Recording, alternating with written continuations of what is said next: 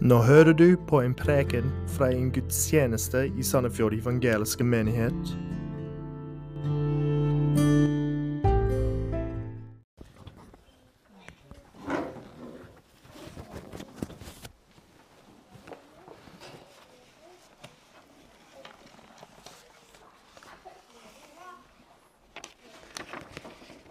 God morgen, alle sammen.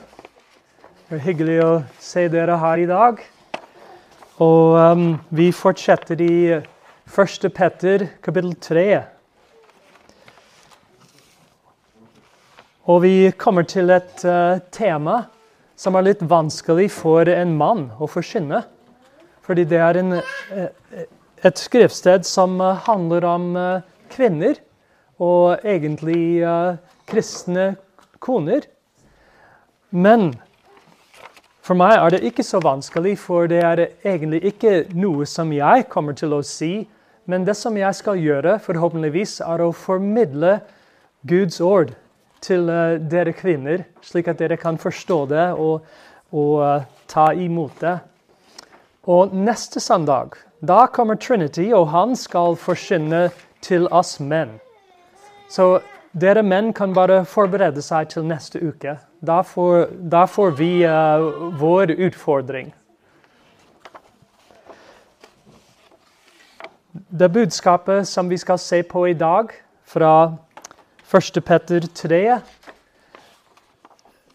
handler om uh, tre uh, Vi kan dele det i, i tre, tre, deler. Den første delen handler om den kristne konens livsførsel. Den andre delen handler om den kristne konens uh, pryd. Og den tredje delen om den kristne konens uh, forbilder. Så vi begynner først med den kristne konens livsførsel. Og jeg tror det, er bare bra om vi leser skriftstedet helt igjennom først. Bare seks vers. 1. Petter 3, 1. Dere hustruer skal på samme måten underordne dere deres egne menn, for at de, selv om noen ikke lyder ordet, kan bli vunnet uten ord ved sine hustruers livsførsel, når de legger merke til deres rene ferd i frykt. La ikke deres skjønnhet være i det ytre, ved hårfletninger, ved at dere henger på dere gull eller tar på fine klær. Men la skjønnheten heller være hjertets skjulte menneske, med den uforgjengelige skjønnheten som hører til den milde og stille ånd, som er meget dyrebar framfor Gud. De hellige kvinner som i tidligere tider håpet på Gud, smykket seg på denne måten. De underordnet seg sine egne menn. Slik Sara var lydig mot Abraham og kalte ham herre. Dere er hennes døtre når dere gjør det gode og ikke er redd for noen trussel.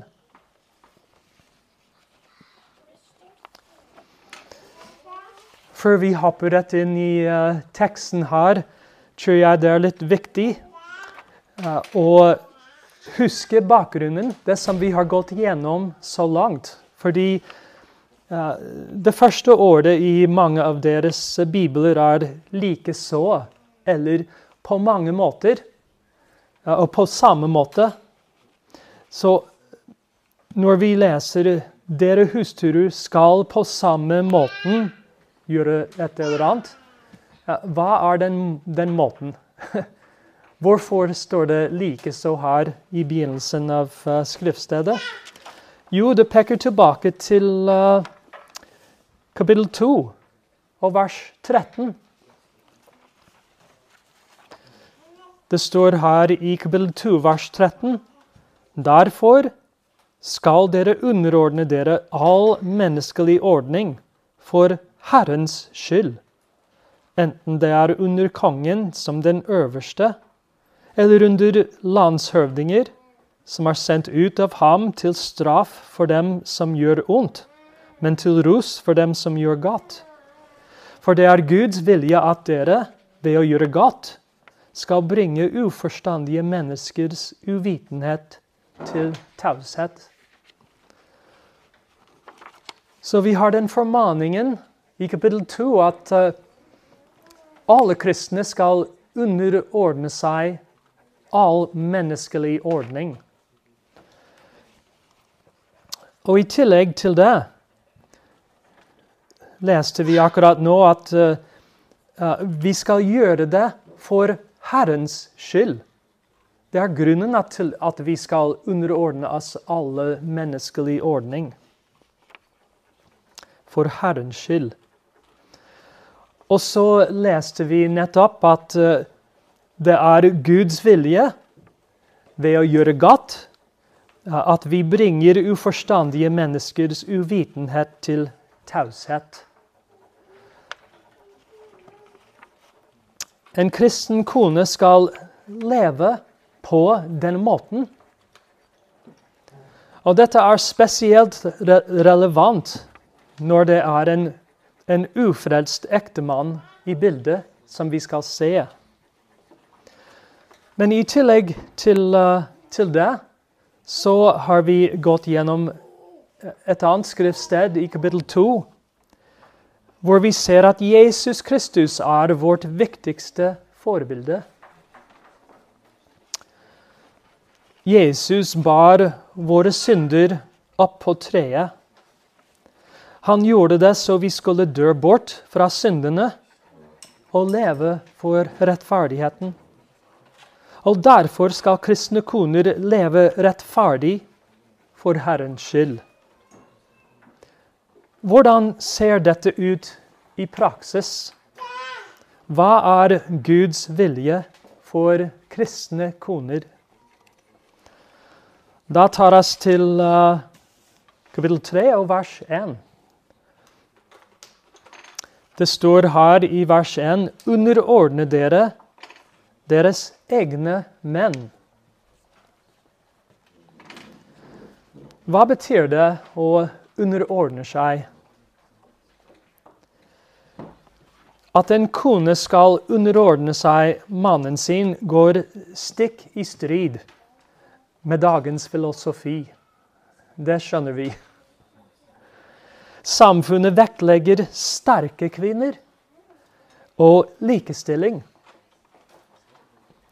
Underordning oppfattes som gammeldags, svak og helt uakseptabelt. Derfor må vi forstå det bibelske konseptet. Det greske ordet heter hupotasso. Det er fra to ord, hup, huper, som betyr under, og tasso, som har med orden å gjøre. Og Det greske ordet hupotasso som brukes her, betyr å plassere seg under en annen på en ryddig måte.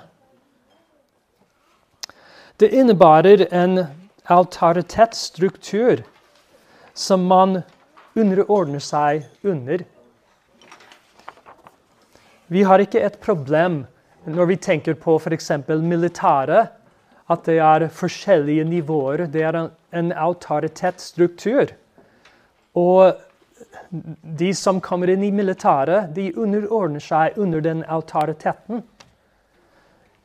Og vi er altså kjent med slike ting på, på en, en jobbsituasjon. Vi har en sjef, og vi underordner oss under den sjefen.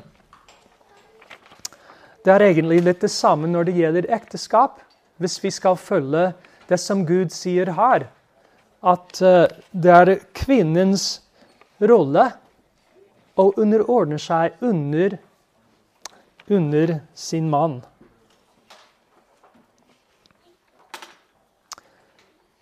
Legg merke til at Gud gir dette påbudet til koner. Det er ikke mennenes oppgave å få konene deres til å underkaste seg dem. Det er ikke mannens rolle. Nei, det er noe som Gud gir som et påbud til kvinner de skal underordne seg under sine menn.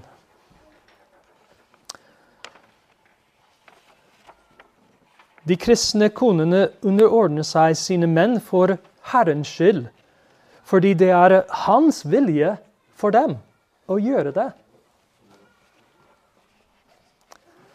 Hvem skal konene underordne seg under?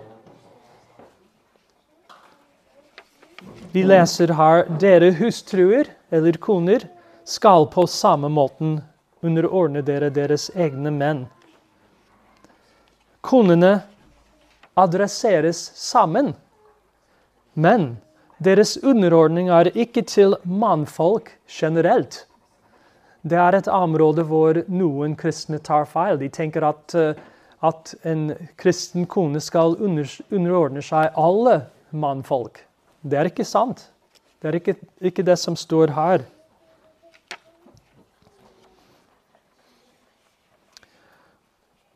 De skal underordne seg deres egne menn, hver og en under den mannen som tilhører dem personlig.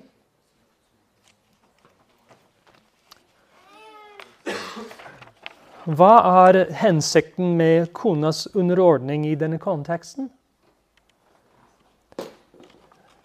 Vi ser, vi ser det her for at de selv om noen ikke lyder ordet, kan bli vunnet uten ord ved sine hustruers livsførsel. Tilfellet som nevnes her, er en ikke-troende mann som fortsetter i ulydighet selv om han har hørt evangeliet. Så det er en, en troende kvinne som er kone til en ikke-troende mann, som er situasjonen og konteksten vi leser om her.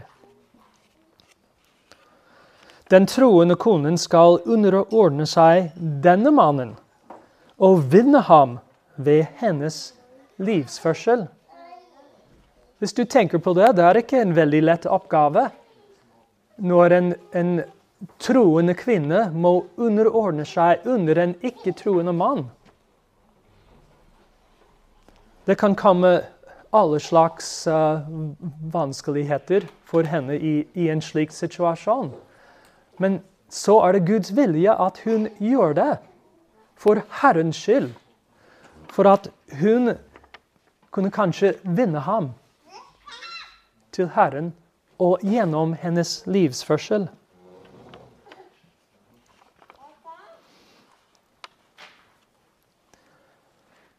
I den gresk-romerske husholdningen var mannen hjemmes herre. Kona, barnet og tjenerne ble alle forventet å følge mesterens religion på den tiden. Men det er interessant at Guds ord krever underordning til hjemmes herre, som forventet av samfunnet på den tiden. Men Guds ord ikke sier at uh, den, denne frelste kvinnen skulle følge den falske religionen. Nei, hun er ikke befalt til å, å gjøre det.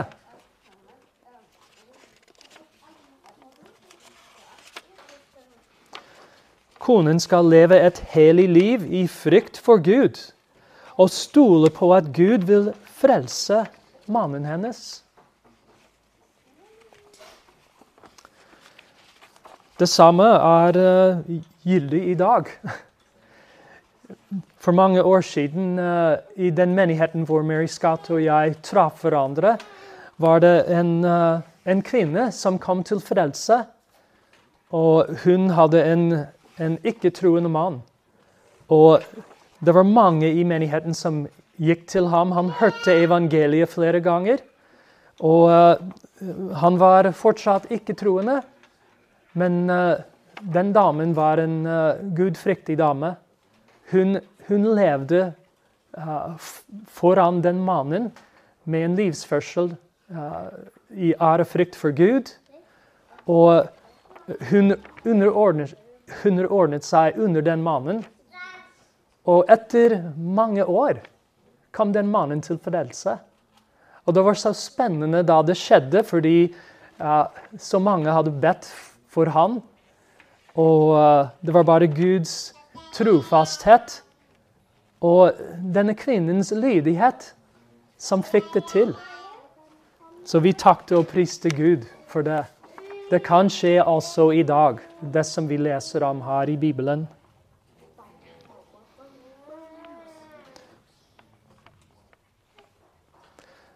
Men spørsmålet kanskje kommer til, til deg. Er det, er det, bare koner med ikke-troende ekte menn som skal underordne seg? Kanskje dere vet allerede at uh, det er flere skriftsteder som, som sier at, uh, at en, krist, en, kristen kone skulle under, underordne seg sin mann. Og vi skal slå opp øyeblikkelig i um, Efeserne kapittel 5 vers 22.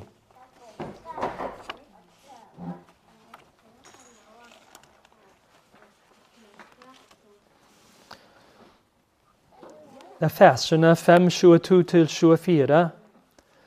Dere hustruer, underordne dere deres egne menn som under Herren.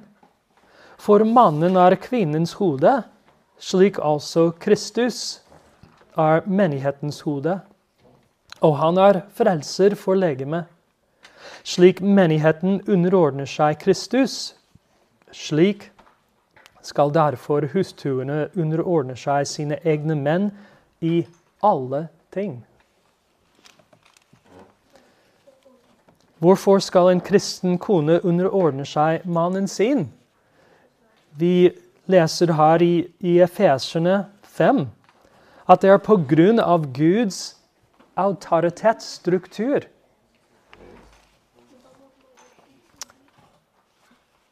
Den strukturen nevnes altså i 1. Korinter 11,3. Men jeg vil dere skal vite at hver manns hode er Kristus.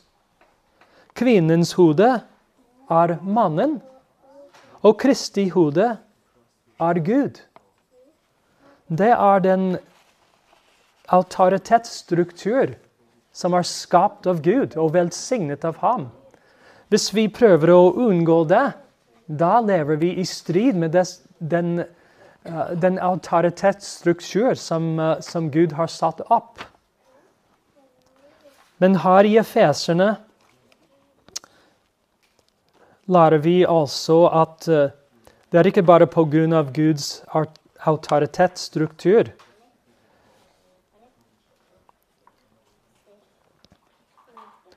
Denne strukturen handler ikke om verdi av personene. Vi kan se f.eks. at Gud er ja, Kristus er lik Gud. Han er lik i verdi som person. Men Jesus Kristus underordner seg under Faderen. Og mannen er ikke bedre enn eh, konen. En ektemann er ikke bedre enn en sin kone.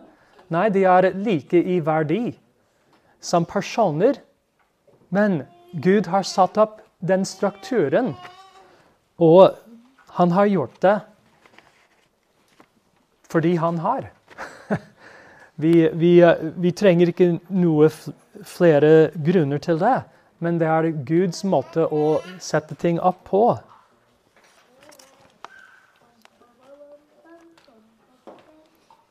Både mann og kone er under autoritet og er ansvarlig til deres hode.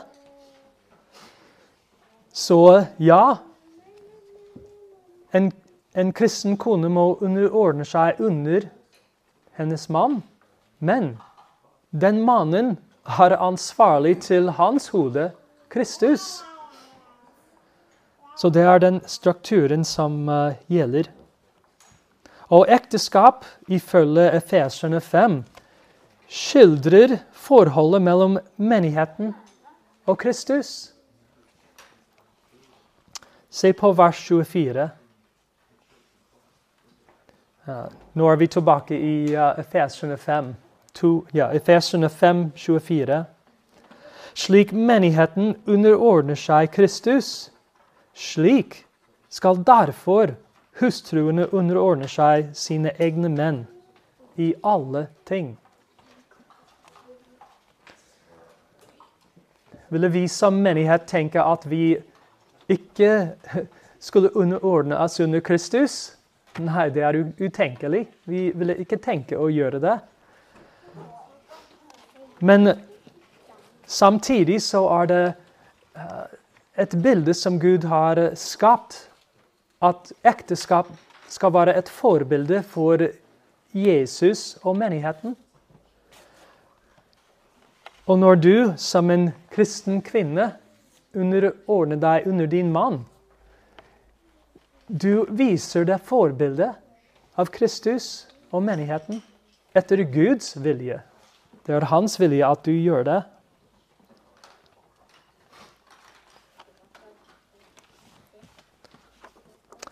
For mange år siden hørte jeg en illustrasjon som jeg syns er veldig hjelpsom og passende når det gjelder dette som vi har snakket om. Og det, det Illustrasjonen er en paraply den autoritetstruktur er liksom et uh, paraply over oss som beskytter oss fra, fra alt ondt. Vi har Gud, som er den øverste, og Jesus, som underordner seg under ham. Og så er det mannen, og så er det kvinnen under det. Det er vi er alle under det paraplyet. Og vi er beskyttet best når vi står der. Men når vi beveger oss ut fra det paraplyet, da er vi uh, i fare. Vi er ikke i en god situasjon. Så derfor er det til uh, en kvinnes beste å underordne seg under sin mann. Fordi da er hun under det beskyttelse og paraplyet som Gud har ordnet i livet.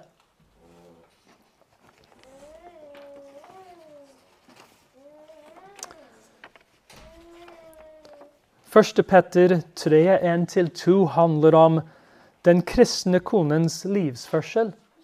Hvordan hun skal oppføre seg. Men nå kommer vi til uh, vers 3 og 4 som handler om den kristne konens pryd. Den kristne konens pryd. Vi har forskjellige oversettelser i, i våre bibler. Min bibel uh, bruker ordet 'skjønnhet'. Uh, jeg tror at uh, Bibelen ja, ja, den norske bibelen 88 bruker ordet 'pryd'. Og um, jeg er litt usikker om uh, 2011. Jeg tror den bruker pryd. Uh, nei, ytre stas. Det var det som brukes i 2011. Men uh, jeg tror det, det ordet som, uh, som er best i forhold til konteksten, er ordet pryd. Hvordan en, en uh, kristen kone pryder seg. Det står her i vers 3 La ikke deres skjønnhet eller pryd være i det ytre.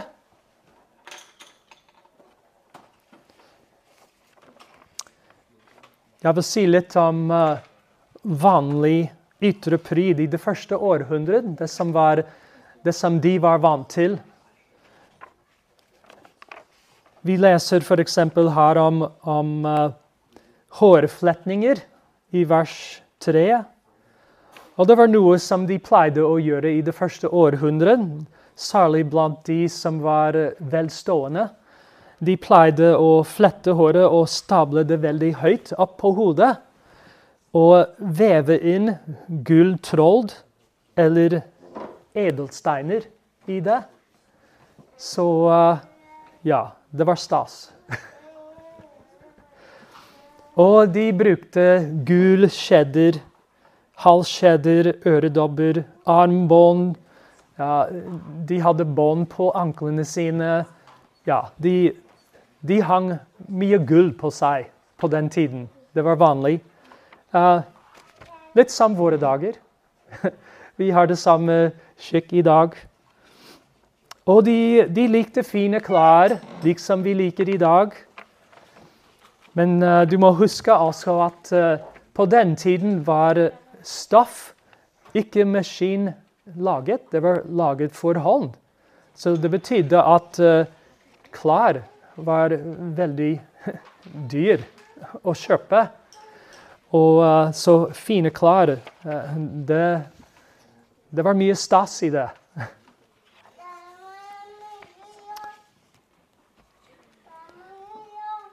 Men så leser vi i vers 4.: La ikke deres skjønnhet eller pryd være i det ytre, men la skjønnheten eller pryd heller være hjertets skjulte menneske.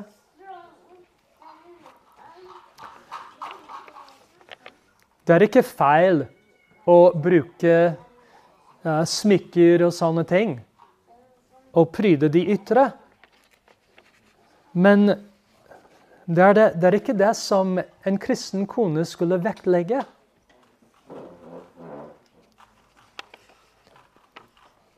Den greske ideen om skjønnhet er nært forbundet med, med orden. Skjønnheten i Guds opprinnelige skapelse er preget av orden og balanse. Vi ser det selv i dag, selv om uh, det er en forbannelse over naturen, kan vi fortsatt se mye av den, den orden og balanse som Gud skapte i den opprinnelige skapelsen. Det norske ordet eh, kosmetikk og det engelske ordet 'cosmetics' stammer fra det greske ordet 'kosmos', som brukes her. Det er litt interessant. Guds ord formaner kvinner og pryde seg inne, i hjertet, som kalles her det skjulte mennesket. Det er det som skal vektlegges. Og hva er den indre prydelsen som kristne koner skal strebe etter? Det står her en mild og stille ånd. En mild og stille ånd.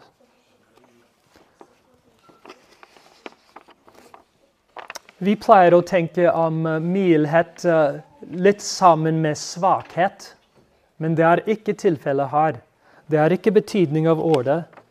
En mild ånd er den som erkjenner Guds godhet i enhver situasjon uten å klage. Den som er mild, har indre styrke som er under kontroll. Både Moses og Jesus har beskrevet i Skriften som milde. Og de var ikke svake menn. Vi kan se det når vi leser om deres liv og oppførsel. Men deres styrke i begge tilfeller var under kontroll. De var milde.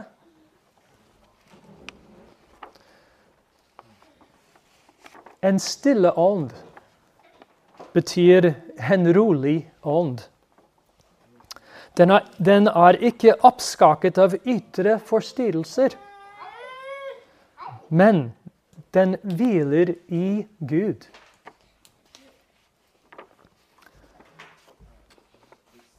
Det er en stille og rolig ånd. Den milde og stille ånden er beskrevet i vers 4 som uforgjengelig mange kvinner bruker en del tid med å, å pryde seg på det ytre. Jeg var litt fascinert som en uh, ung gift mann da jeg først giftet meg med Mary Scott. Ja, og uh, se hva hun gjorde om morgenen. ja, jeg, jeg, likte det faktisk. Og hun smilte og lo litt på meg fordi jeg sa på henne i alle hennes rutiner. Um, så uh, kvinner pleier å ta litt tid med sånne ting. De er flinke med sminke og smykker. Og uten skjønnhetsrutinen er de ikke klar for dagen. Det vil ikke ut uten den rutinen. Men hvor mange kvinner bruker like mye tid på det indre mennesket? Hjertets skjulte menneske. Å pryde seg med en mild og stille ånd er uforgjengelig. Det er noe som varer evig, og det er meget dyrebar framfor Gud, ifølge vers 4. Jeg vil si at det er verdt å strebe etter, dere kvinner i dag.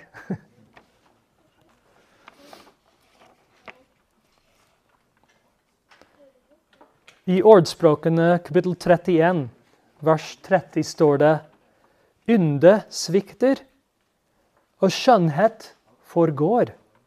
Men en kvinne som frykter Herren, skal prises. Er det mulig for en kone å smykke seg med en mild og stille ånd? Kanskje du tenker 'oi, jeg er ikke den type person'. Noen er det, men ja, ikke, ikke meg. Jeg er ikke den type. Men det må være mulig hvis Gud sier det.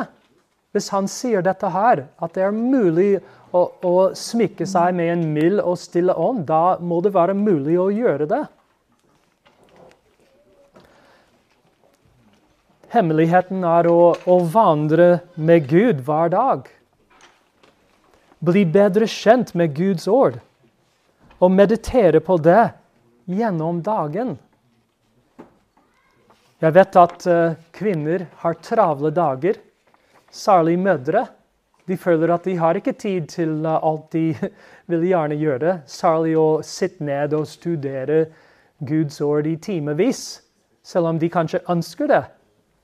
Men bruk den tiden som er tilgjengelig meditere på Guds ord gjennom dagen når du vasker klær, og når du tar vare på barna og alt det du må gjøre. Ta tid. Kanskje har et par vers du kan tenke på. Bli kjent med Guds løfter i Bibelen, og tro på dem. Jeg tror at eh, ved, ved praksis ved øving, ved erfaring med Gud, kommer den, den, eh, den stille ånd. Som er beskrevet her. Den milde og stille ånd.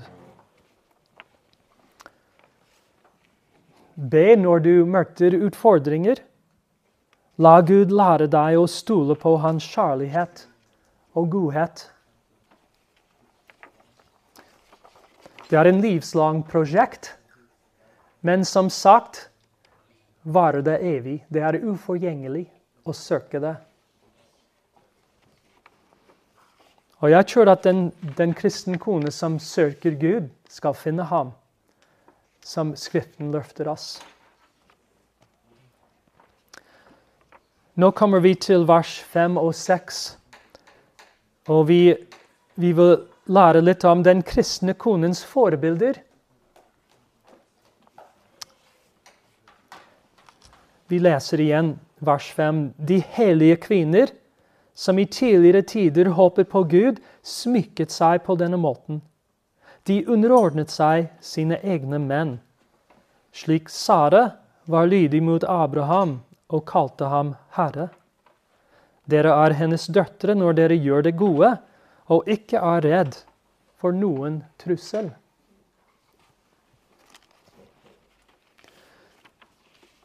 De hellige kvinner nevnes først her.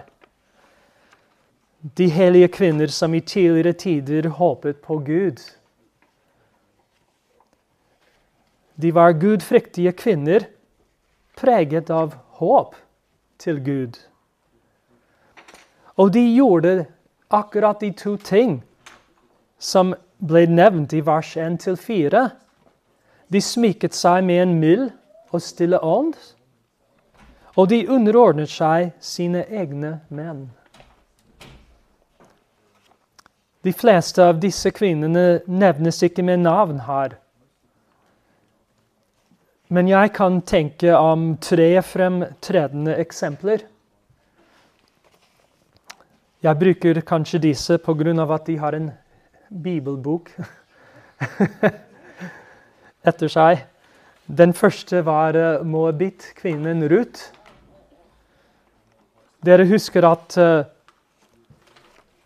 da alt uh, håp var borte for henne, hennes mann døde, og han, hun hadde ikke noe fremtid som hun kunne tenke på.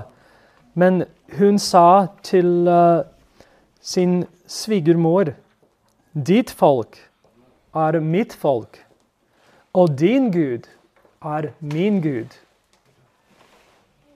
Hun satte sin lit til Gud i den situasjonen hun var i. Og hun vandret i lydighet. Hun kom selvfølgelig til å uh, underordne seg under sin mann, Boaz. Og gjennom det paret kom David og selvfølgelig Jesus.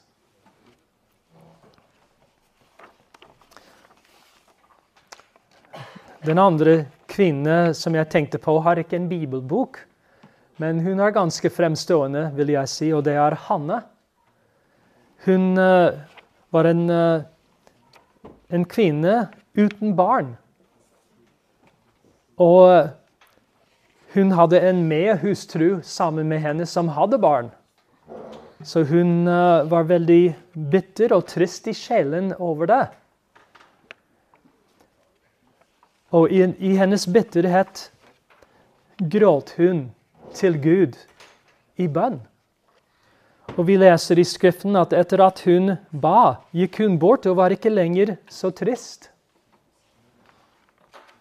Og Gud ga henne eh, Samuel, profeten Samuel som bønnesvar.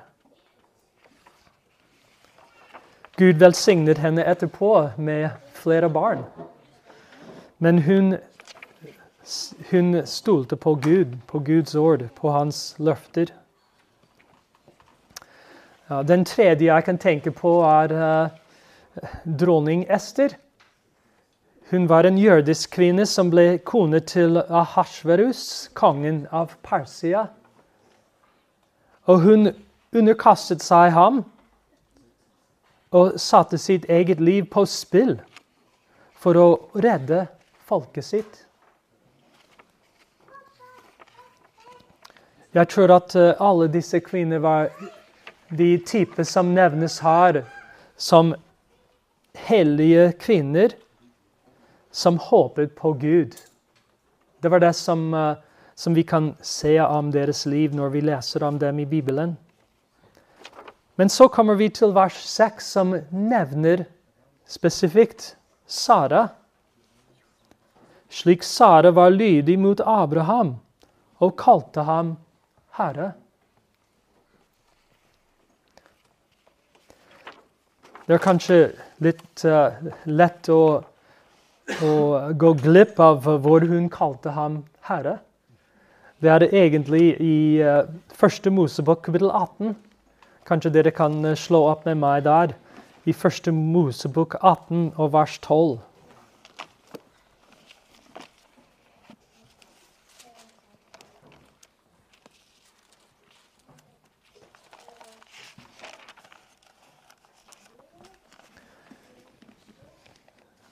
Gud har lovet uh, flere ganger nå å gi Abraham en sønn.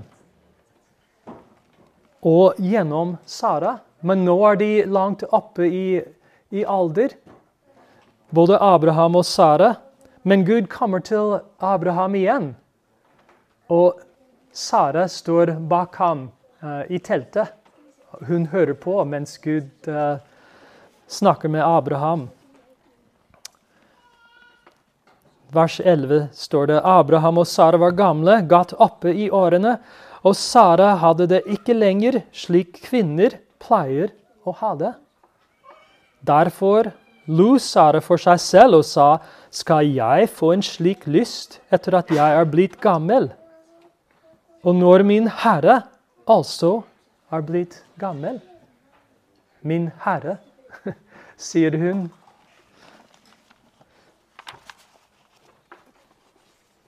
Sara viste Abraham respekt og ære på den måten hun uh, talte om ham, snakket om ham. Og Jeg tror at Sara er en veldig, veldig god eksempel for oss, fordi hun var ikke en stygg kvinne, som vi vet fra Skriften. Hun var så vakker at Abraham ba henne å, å si at hun var hans søster, for å beskytte ham. Så hun var en virkelig vakker kvinne.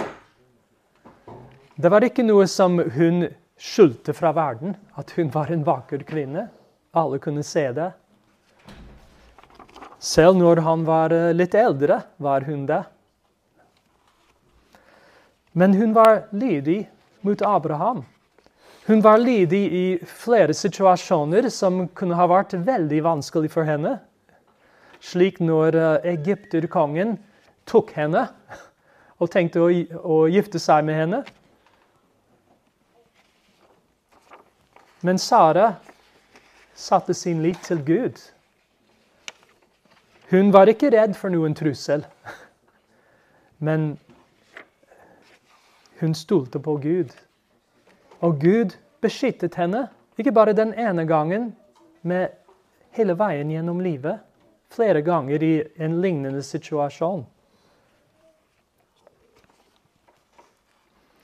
Og det står her i 1. Petter 3, vers 6 Dere er hennes døtre.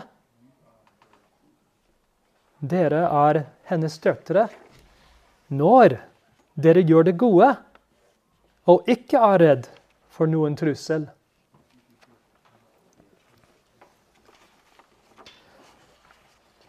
Jeg vil si at uh, å ikke være redd for noen trussel er det samme som å ha en mild og stille ånd.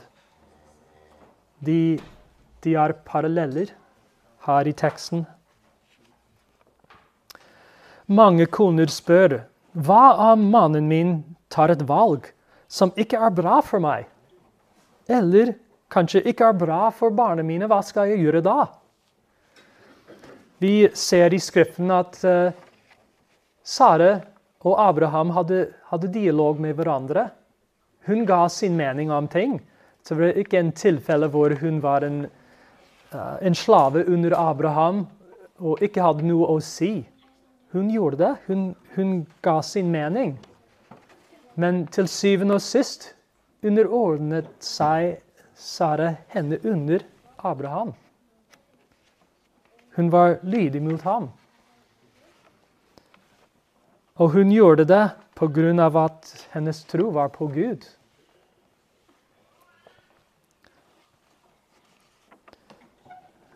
Og det er det samme som det paraplyillustrasjonen som jeg ga. Jeg tror at det er grunnen til at uh, kristne koner kan uh, ha tillit til Gud i vanskelige situasjoner. At de forstår at Gud har en autoritetsstruktur til deres beste. Og at de, når de adlyder Gud og viser ærefrykt for Gud, da vil Gud ta vare på dem. Det betyr ikke at uh, dårlige ting ikke kan skje, men at Gud er i alt som skjer. At han er god, som det står i Romerne 8,28. At uh, alle ting som skjer, skjer til det gode for de som elsker Gud.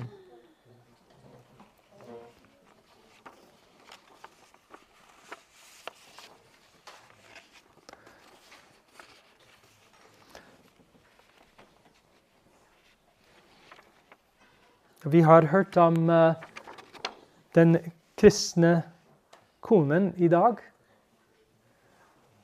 Jeg har ikke sagt mye om uh, mannens ansvar. Jeg tror at dere menn kan forstå at dere har mye ansvar når det gjelder dette her. Og det kommer vi til uh, neste søndag. Men jeg vil bare utfordre dere menn til å gjøre det lett for uh, konen din å følge deg og underordne seg under deg. Hvis du har den kjærligheten som, som er nødvendig, da blir det ikke så vanskelig. Det er, det er mulig. Men til dere kvinner vil jeg repetere det som Skriften sier. Selv i vanskelige situasjoner er det viktig å adlyde Gud og ære Gud på, på den måten som vi har lest i dag i Skriften.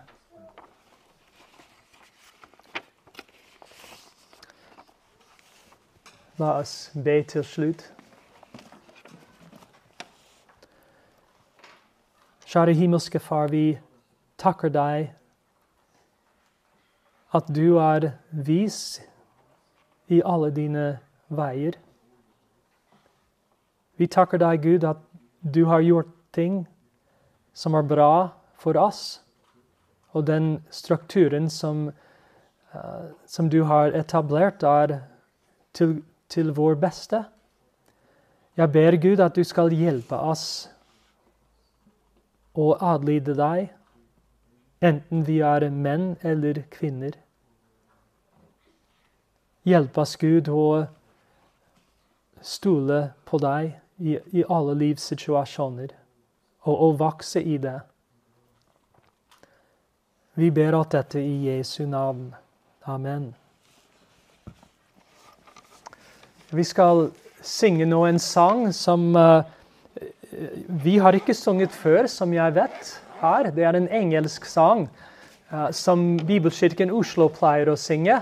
Og det er en veldig gammel sang, men en veldig god sang. It is well with my soul. Det er en sang hvor vi, hvor vi uh, ser at vi har den indre ro på grunn av, av, alt som Gud har gjort og skal gjøre for oss. Så vi synger 'It is well with my soul'.